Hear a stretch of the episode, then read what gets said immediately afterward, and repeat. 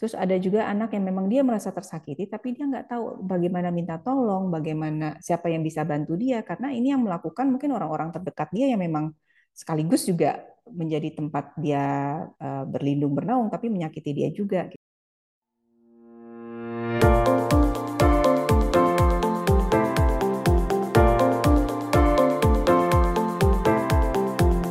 Kembali lagi pada SNF Educast, podcast dari Biro Jurnalistik SNF FEBUI yang membahas beragam topik seputar pendidikan dan anak. Kenalin, nama aku Iza sebagai Koordinator Jurnalistik SNF. Lalu aku Salsa, Wakil Koordinator Jurnalistik SNF, dan kami akan menemani Anda untuk membahas isu terkait seputar dunia anak dan pendidikan. Nah, untuk episode kali ini, kami akan bahas terkait seleb cilik nih. Soalnya, dewasa ini, kehadiran seleb cilik bukanlah sesuatu yang asing untuk dilihat di media massa. Bahkan tak jarang kita melihat seorang anak sudah bisa bekerja dengan penghasilan di atas rata-rata melalui karirnya sebagai seorang seleb cilik guna membantu perekonomian keluarganya. Yap, benar banget Niza. Namun sayangnya berita akhir-akhir ini potensi bakat yang dimiliki oleh silip cilik kerap tereksploitasi untuk tujuan ekonomi semata. Bahkan sering kali kita mendengar kasus pelecehan, bullying, dan kekerasan yang menyebabkan post-traumatic stress disorder atau PTSD pada seleb cilik. Oh iya, Saal. Tentu saja untuk membahas isu terkait seleb cilik ini, kita juga harus ditemani oleh ahlinya dong. Of course, The. Jadi Edukes kali ini kami kedatangan narasumber spesial yaitu Ibu Vera Itabilena Hadi Wijoyo, psikolog anak dan remaja. Selamat datang Ibu Vera, apa kabar? Halo, halo, halo, selamat datang. Uh, terima kasih sudah diundang di podcast ini. Terima kasih Iza, terima kasih Salsa. Kabarnya baik, Alhamdulillah. Alhamdulillah. Semoga para pendengar Edukes juga dalam kondisi yang baik-baik saja ya. Sebelumnya kami mau mengucapkan terima kasih kepada Ibu Vera karena sudah menyempatkan waktunya untuk menjadi narasumber di podcast kami. Oke, iya betul. Saya juga mengucapkan uh, terima kasih banyak nih mewakili Biro Jurnalistik SNF FWB UI. Iya, sama-sama. Terima kasih juga senang sudah diundang. Yes, oke. Okay. Nah, uh, sebelumnya uh, kita mengenal fenomena seleb culik dulu nih, sebelum kita uh, lebih jauh lagi dalam obrolan ini. Nah, mungkin uh, Ibu uh, bisa dijelasin Ibu, menurut Ibu yang disebut dengan seleb cilik itu apa sih, Bu? Seleb cilik. Jadi seleb hmm. itu kan artinya orang yang kenal banyak orang gitu ya. terkenal, sering tampil di media gitu ya. Tapi ini dalam bentuk ciliknya, jadi ini anak-anak gitu. Jadi selebritas uh, yang masih berada dalam usia di anak-anak gitu. Kalau kita bicara anak-anak berarti kan luas range-nya dari lahir dari 0 bulan sampai 18 tahun. Itu yang kita sebut anak-anak ya. Oke, okay. uh, eh, mungkin kalau dari definisi seperti itu uh, kita juga udah ngeliat nih dari uh, yang zaman dulu tuh ada Joshua dan kalau zaman sekarang makin banyak tuh seleb-seleb cilik. Mm-hmm. Tapi kira-kira mungkin menurut pendapat ibu pribadi ada nggak sih perbedaan antara seleb cilik uh, di zaman dulu sama dengan sekarang nih bu? Zaman dulu uh, tentu beda ya. Kalau tadi Iza sebutnya Joshua, kalau saya sebutnya zaman saya tuh ada Adi Bing Slamet, tahu nggak? oh iya. ada Cica Kuswoyo itu ya, celeb-celeb cilik dulu.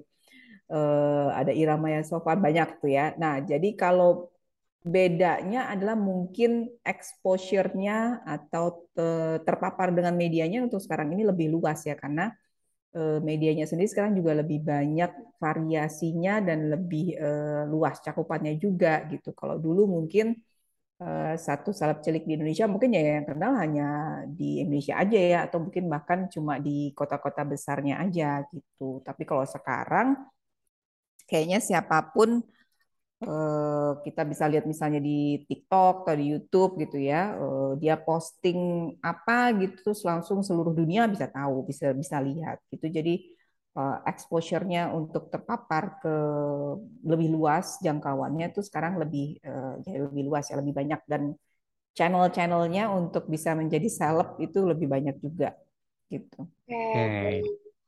Nah, tadi kan sebelumnya Iza sama Ibu sudah ngomongin terkait definisi dan perbedaan seleb cilik zaman dulu sama zaman now. Hmm. Yang kalau ternyata exposure zaman now ini lebih um, lebih besar ya Bu, karena um, bisa terlibat di berbagai media. Nah, oke, okay, selanjutnya kita akan membahas terkait latar belakang kemunculan seleb cilik nih Bu.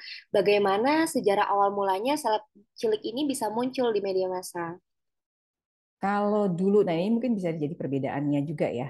Kalau dulu itu, kalau menurut saya, seleb cilik itu muncul memang uh, pure memang karena bakat gitu ya Eh, maksudnya dia punya bakat sesuatu yang terus dikembangkan, banyak orang suka terus dipertunjukkan gitu, misalnya bakat nyanyi, acting dan sebagainya. Kalau sekarang seorang anak itu bisa menjadi seleb cilik dengan tidak menunjukkan eh, bakatnya, bahkan cuma menunjukkan kepolosannya aja gitu ya, tingkah lakunya yang lucu aja direkam terus diupload gitu, itu juga bisa menjadi sesuatu yang bikin dia jadinya uh, salep cilik gitu. Kita lihat banyak hmm, misalnya anak anak artis deh gitu ya, anak artis uh, yang baru lahir gitu ya, itu fansnya udah banyak gitu, udah punya akun sendiri yang followernya banyak gitu, udah punya YouTube channel sendiri gitu. Itu tanpa dia harus menunjukkan bakat tertentu, just being himself atau herself aja sudah cukup untuk bisa jadi salep cilik gitu.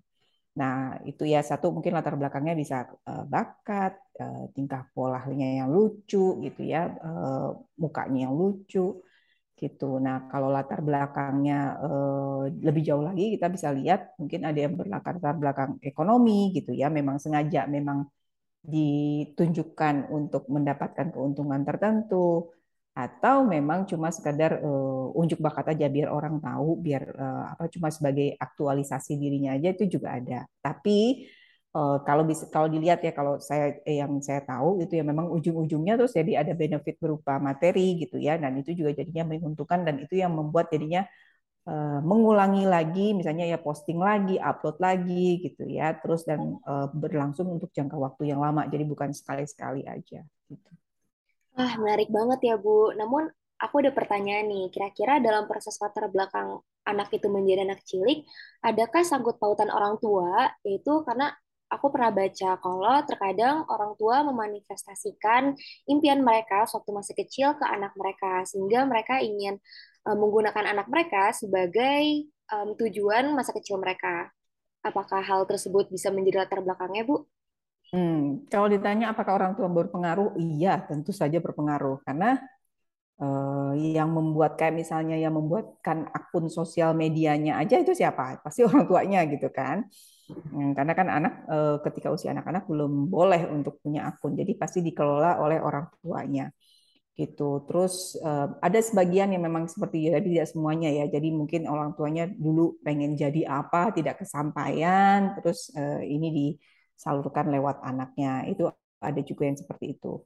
Tapi ada juga orang tua yang memang sekedar bang, saking bangganya ya, saking bangganya dengan uh, anaknya gitu, terus ingin kayaknya semua dunia tahu gitu anaknya seperti apa. Itu ada yang seperti itu juga gitu. Ada yang memang purely memang uh, tujuannya adalah supaya bakat anaknya atau sesuatu kelebihan yang dipunyai anaknya itu bisa uh, mempunyai manfaat lebih gitu ya buat si anak ini gitu dan ada juga yang berlatar belakang ekonomi. Jadi eh, berbagai macam ya backgroundnya.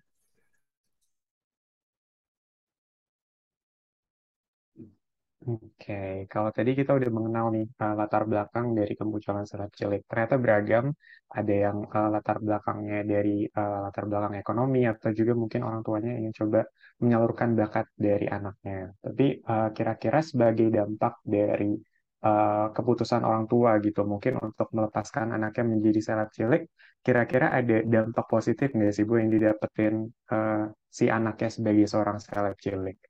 Oke, dampak positif mungkin selain uh, ada secara ekonomi ya, mungkin ya kan ada benefitnya dari situ. Eh, terus yang lainnya juga eh, apa manfaatnya misalnya ya meningkatkan kepercayaan dirinya anak ini gitu ya karena oh banyak orang yang suka ternyata dengan karya saya gitu ya dengan eh, apa namanya dengan suara saya misalnya gitu jadi itu kan meningkatkan kepercayaan dirinya dia juga terus juga kalau saya lihat saat-saat yang sekarang ini kan mereka jadi punya punya wadah ya punya wadah uh, ya media sosial dan sebagainya itu punya wadah untuk terus mengembangkan kreativitas mereka gitu ya. Jadi kayak mereka di challenge untuk uh, oh ya setiap minggu harus posting tarian baru atau gambar baru dan sebagainya gitu ya. Nah, itu juga meningkatkan kepercayaan diri juga. Terus ada juga anak yang jadinya sekaitannya dengan tadi ya karena memperoleh uh, keuntungan uh, berupa uang gitu. Dia mereka jadi uh, belajar mengelola uang, mulai belajar mengelola uang gitu ya. Jadi nabung, investasi gitu ya, segala macam itu mereka jadi lebih dini itu belajarnya. Nah, seperti itu manfaat-manfaatnya. Itu antara lain. Gitu. Oke, okay. uh, itu ada beberapa poin manfaat yang uh, kalau dipikir-pikir benar juga dan uh, menarik untuk menjadi satu konsiderasi. Uh, tapi pastinya uh, di samping berbagai manfaat positif tersebut kan ada juga yang negatif. Gitu. Kalau aku sendiri, hmm. secara pribadi pernah nih kalau nggak salah nonton di YouTube salah satu cuplikan video ketika uh, Rafathar tuh uh, dia sampai capek gitu menghadapi hmm. kamera. Mungkin bisa jadi salah satu dampak negatifnya. Tapi mungkin selain dampak negatif yang tadi gitu, uh, kira-kira menurut Ibu apa aja sih dampak negatif uh, dari salep cilik uh, yang mungkin bisa uh, berimbas pada anaknya baik dalam jangka pendek maupun jangka panjang ketika dia udah besar nantinya gitu. Oke, kalau jangka pendek dulu ya. Jangka pendek ketika seorang anak dikenal banyak orang gitu ya, semua orang punya akses uh, ke dalam kehidupannya dia gitu. Jadi mesti siap juga tuh dengan uh, komen-komen julid, bully dan sebagainya, komentar-komentar negatif gitu ya. Dan itu juga bisa Eh, mempengaruhi si anak secara emosi gitu kan. Uh, makanya saya yang saya uh, banyak ada tahu juga ada orang tua yang memang anaknya menjadi salap cilik, akunnya itu benar-benar orang tuanya yang kontrol, orang tuanya yang kelola. Jadi si anak ini nggak lihat komen-komen karena itu semua orang tuanya yang filter gitu ya. Nah, seperti itu. Jadi harus siap dengan apa efek-efek negatif yang bisa masuk lewat sosial media gitu. Terus juga kalau ini dilakukan berlebihan gitu ya, misalnya ya untuk konten dia harus dalam sehari itu harus posting video baru berapa gitu ya, sehingga mungkin mengganggu uh, aktivitas yang lainnya gitu ya, mengganggu aktivitas istirahat, aktivitas anak ini belajar. Nah, itu kan sudah berlebihan gitu. Itu udah udah, udah uh, dampak negatif buat si anaknya gitu. Dan satu hal lagi sih sebenarnya anak itu kan melakukan sesuatu berdasarkan kesenangan gitu ya. Ketika dia sudah dipaksa eh, terus dia merasa ini dinilai terlalu banyak aturan, kesenangannya jadi hilang lagi gitu ya dan akhirnya karena mungkin sudah terikat dalam suatu. Nah, ini ketika menjadi satu salap cilik, orang banyak kenal, mulai kan mungkin banyak pihak-pihak yang mengajak kerjasama sehingga ada ikatan kontrak yang memang harus uh, anak ini memenuhi persyaratan tertentu dalam kontrak itu gitu. Nah, kalau kita orang dewasa kan kita tahu dengan sadar oh ya saya sudah punya komitmen. Karena kalau anak-anak enggak gitu. Nah, ini yang sering kali jadi uh, masalah ujung-ujungnya. Di awal-awal anak ini senang gitu ya. Oh ya have fun gitu dia. Tapi begitu sudah terikat kontrak kan ada satu aturan, ada keharusan misalnya tadinya eh, suka-suka aja hari ini mau bikin konten apa enggak tapi kalau sekarang jadi harus gitu ya.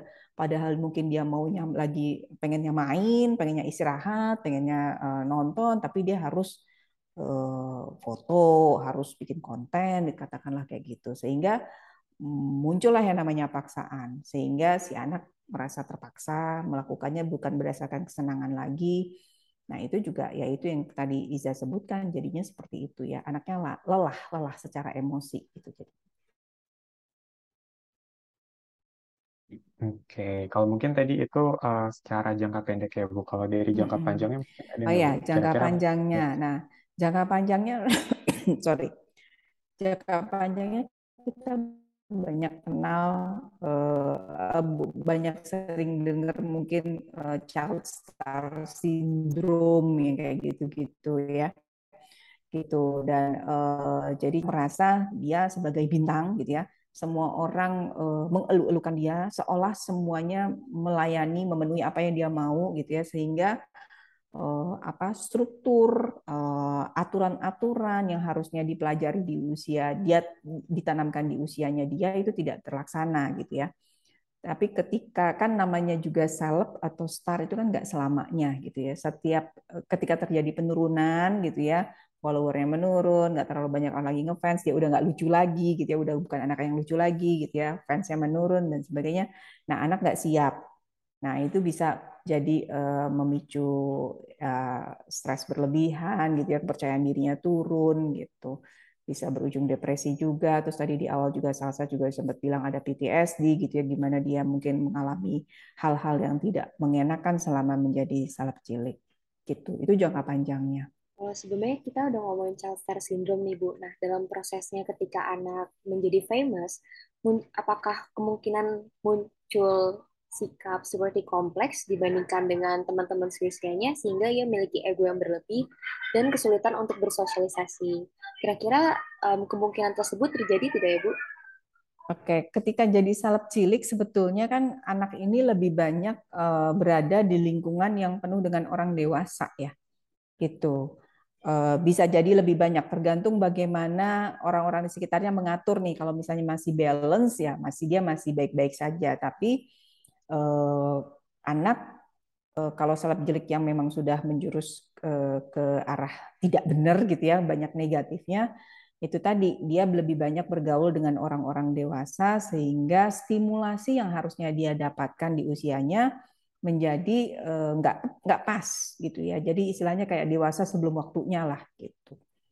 Nah jadi ibaratnya eh, seorang anak usianya katakanlah masih 5, 6, 7 gitu ya tapi sudah dibebani dengan eh, peran-peran dewasa sehingga ya secara emosional bisa terjadi kelelahan ya untuk si anak ini dan kebutuhannya sebagai anak seusianya nggak terpenuhi.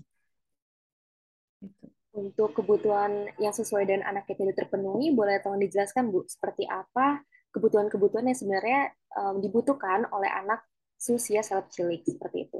Oke, gini, secara garis besar aja anak tidak wajib bekerja gitu. Jadi haknya dia kan adalah uh, belajar, main main pun juga ada main sendiri, ada main dengan teman sebaya gitu ya, main dengan uh, saudara-saudaranya di rumah gitu. Terus ada hak istirahat. Nah, ini tinggal dilihat usia anak tuh berapa. Karena di setiap usia tuh ada kebutuhan tidurnya sendiri gitu. Katakanlah misalnya usia remaja, usia belasan itu paling nggak mesti 9 jam. Nah, dari situ aja terpenuh, eh, terpenuhi apa enggak gitu ya. Sekolah gitu ya. Sekolahnya eh, dia harus dari jam berapa sampai jam berapa, dari hari apa sampai hari apa. Gitu. Nah, itu yang eh, yang dasar itu itu dulu deh gitu. Dilihat apakah itu terganggu oleh si salep caleg apa dengan posisinya dia sebagai salep cilik ini gitu gitu. Ada ada beberapa salep cilik yang saya tahu gitu ya orang tuanya sangat ketat mengatur misalnya oh eh, nggak boleh terima eh, show di hari sekolah gitu. Jadi hanya boleh weekend saja dan itu cuma batasnya juga sampai jam 7 malam udah stop gitu, nggak boleh lebih dari jam 7 malam. Nah, kalau hal seperti itu bisa dilakukan sih ya eh, akan tetap balance ya. Gitu untuk memenuhi kebutuhannya si anak. Oke, baik. Seperti yang Ibu katakan, um, kehadiran self cilik ini dapat merebut hak-hak anak yang seharusnya mereka miliki. Nah, kira-kira hmm. ada nggak sih Bu peran dari pemerintah dan upaya untuk mencegah tindakan eksploitasi anak tersebut? Uh, sudah ada ya, itu terwakili di Undang-Undang Perlindungan Anak gitu. Uh, pasal berapanya saya lupa, cuma memang di situ sudah dijelaskan bahwa ada aturannya bahwa tidak boleh mengeksploitasi anak untuk keuntungan secara material dan juga tidak boleh menghilangkan hak-hak anak gitu ya. Ya terlain yang tadi saya sudah sebutkan di awal. Jadi dari pemerintah sudah ada undang-undang perlindungan anak sebetulnya. Kalau untuk peran pemerintah supaya menguatkan undang-undang ini seperti apa ya kira-kira Bu? Uh, pengawasan ya sebetulnya ya. Pengawasan seperti misalnya lewat eh, lembaga-lembaga yang katakanlah seperti KPI gitu ya, Komisi uh, Penyiaran Indonesia. KPI mungkin uh, bisa memantau uh, ketika misalnya ada acara anak-anak live gitu ya, tapi kok jam 9 malam di hari sekolah. Nah, itu kan mungkin sudah menyalahi gitu. Terus juga kita pernah tuh dulu beberapa tahun yang lalu ya, saya lupa. Itu ada satu sinetron satu sinetron yang pemerannya anak-anak gitu. Nah, itu juga sempat dipermasalahkan ya. Tapi eh, KPI juga bisa mengawasi secara langsung atau terima feedback feedback dari para ya kita kita inilah penonton penontonnya ini juga sebenarnya kita juga punya ikut tanggung jawab kan ada ungkapan uh, it takes a village to raise a child. Tapi sebenarnya lebih dari village it takes a country to, to raise a child gitu kan. Jadi sebetulnya satu anak itu ada tanggung jawab semua orang yang melihat anak itu. Nggak hanya orang tuanya nggak hanya Eh, pemerintah, tapi kita nih eh, orang-orang yang melihat gitu ya, misalnya kok anak itu kok kayaknya uh, jam segini belum tidur ya, kok anak itu kayaknya kok dipukulin terus ya sama orang tuanya. Nah, kita sebagai yang melihat sebagai apa bystander itu juga bisa melakukan sesuatu gitu untuk membantu anak ini. Oke, berarti peran kita sebagai netizen, sebagai bystander yang um, melihat kehadiran saat cilik, berarti um, turut bertanggung jawab seperti itu ya Bu maksud Ibu? Iya, betul. Kalau begitu, uh, tadi terkait kita udah membahas nih uh, terkait pencegahan upaya eksploitasi uh, dari seleb cilik ini. Uh, mungkin yang menjadi salah satu dilema adalah uh, tadi saya uh, cukup uh, highlight banget kalimat Ibu yang bilang bahwa hmm. anak yang kita lihat itu bukan hanya uh, tanggung jawab orang tuanya juga, tapi tanggung jawab kita semua yang menyaksikannya mereka gitu. Uh, dan mungkin juga menjadi tanggung jawab kita untuk kemudian uh, melaporkan nih, atau juga mengambil tindakan uh, kalau misalnya uh, ternyata anak itu diberlakukan secara tidak seperti seharusnya. Mm-hmm. Tapi mungkin kita menghadapi suatu dilema ketika uh, banyak nih orang tua yang bilang kalau misalkan ada orang dari luar yang intervensi terkait perkembangan anaknya, ada orang tua yang bilang bahwa itu bukan urusan kita sebagai pihak eksternal gitu. Kira-kira menurut Ibu untuk mengupayakan uh, upaya uh, perlindungan anak sebagai kita dari pihak eksternal itu gimana Bu? Uh, di samping yang tadi uh, kan orang tuanya nggak semuanya gitu mau untuk dicampur tangan terkait perkembangan anaknya.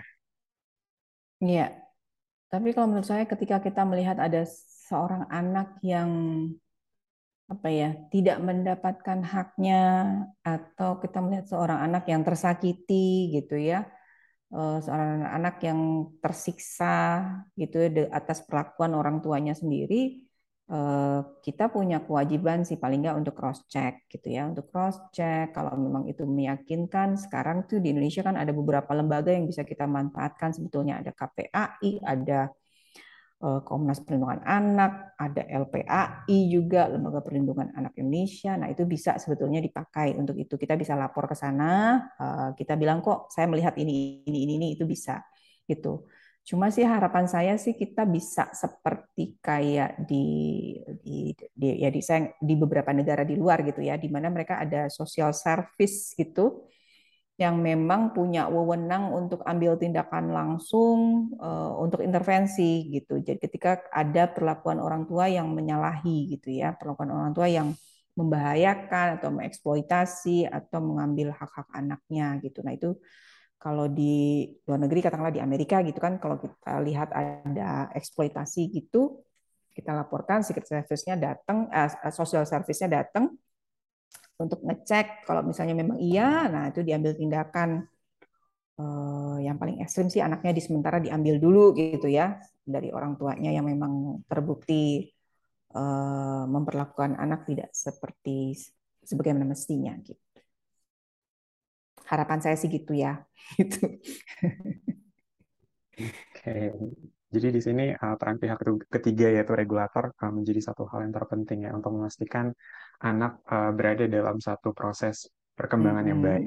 Ya, hmm. tapi kan itu kadang orang uh, terlalu jauh ya untuk lapor ke LPAI gitu. Jadi sebenarnya kita mesti berdayakan mulai dari yang unit terkecil gitu. Jadi misalnya kayak tetangga, RT, RW itu sih gitu.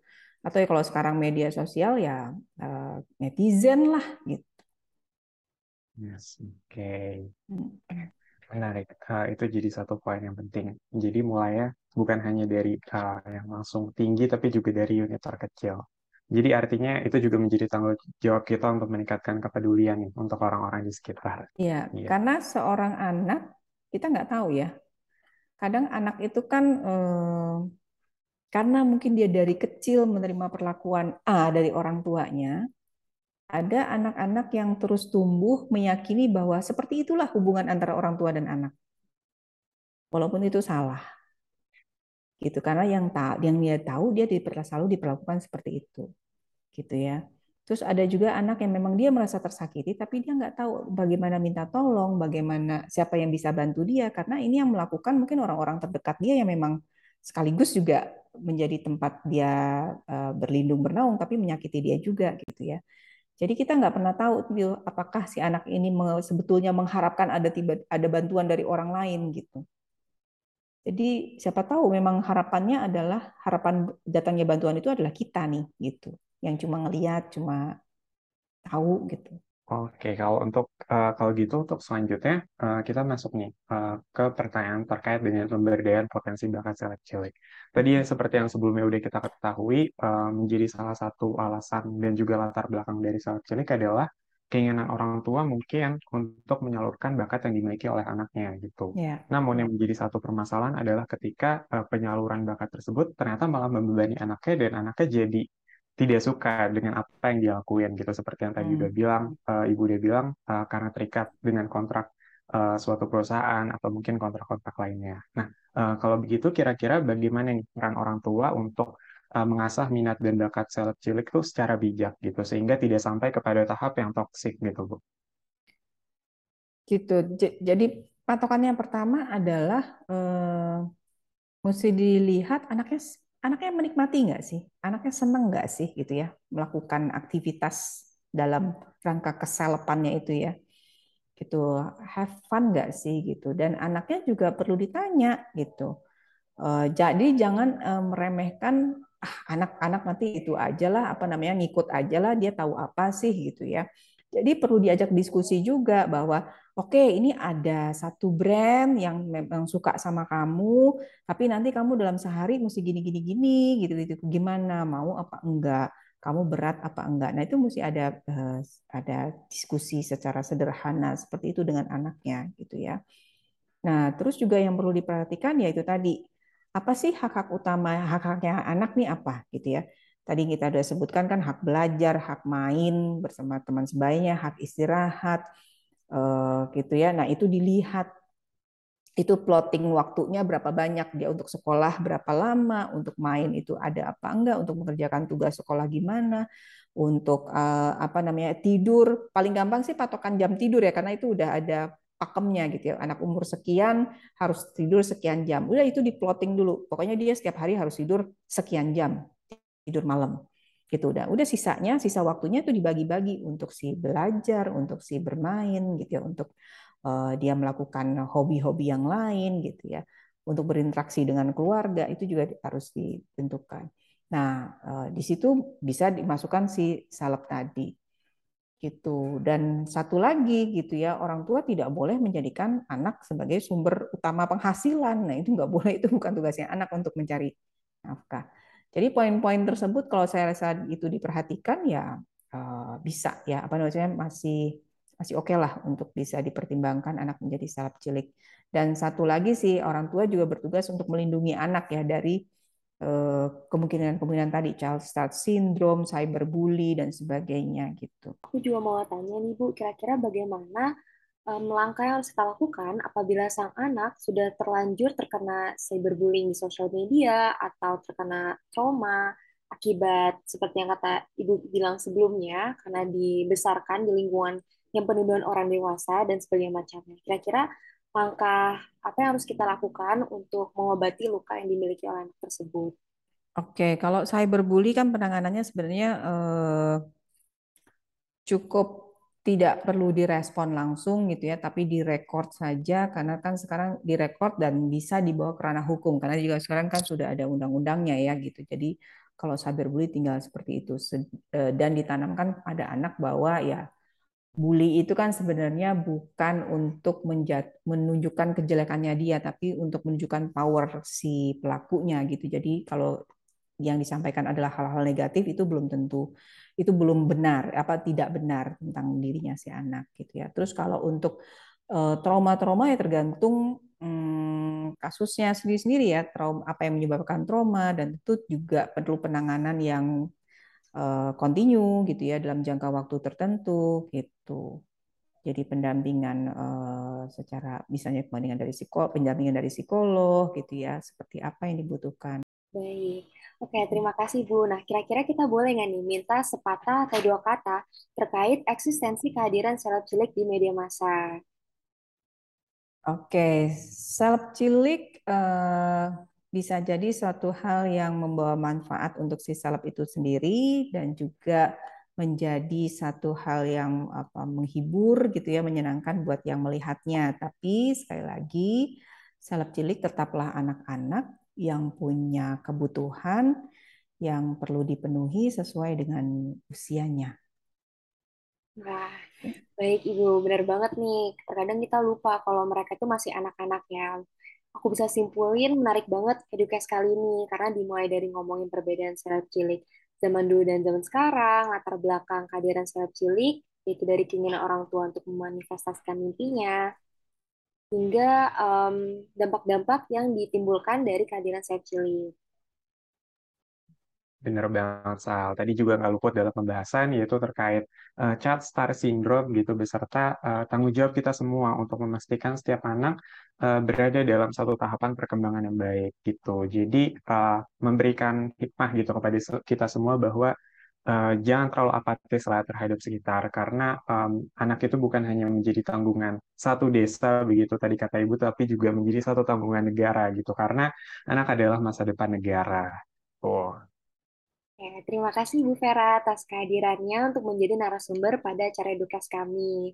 Semoga Ibu dan keluarga diberikan kesehatan dan keberkahan. Saya Salsa. Dan saya Iza sebagai moderator SNF Edukasi kali ini pamit undur diri. Sampai jumpa di episode berikutnya.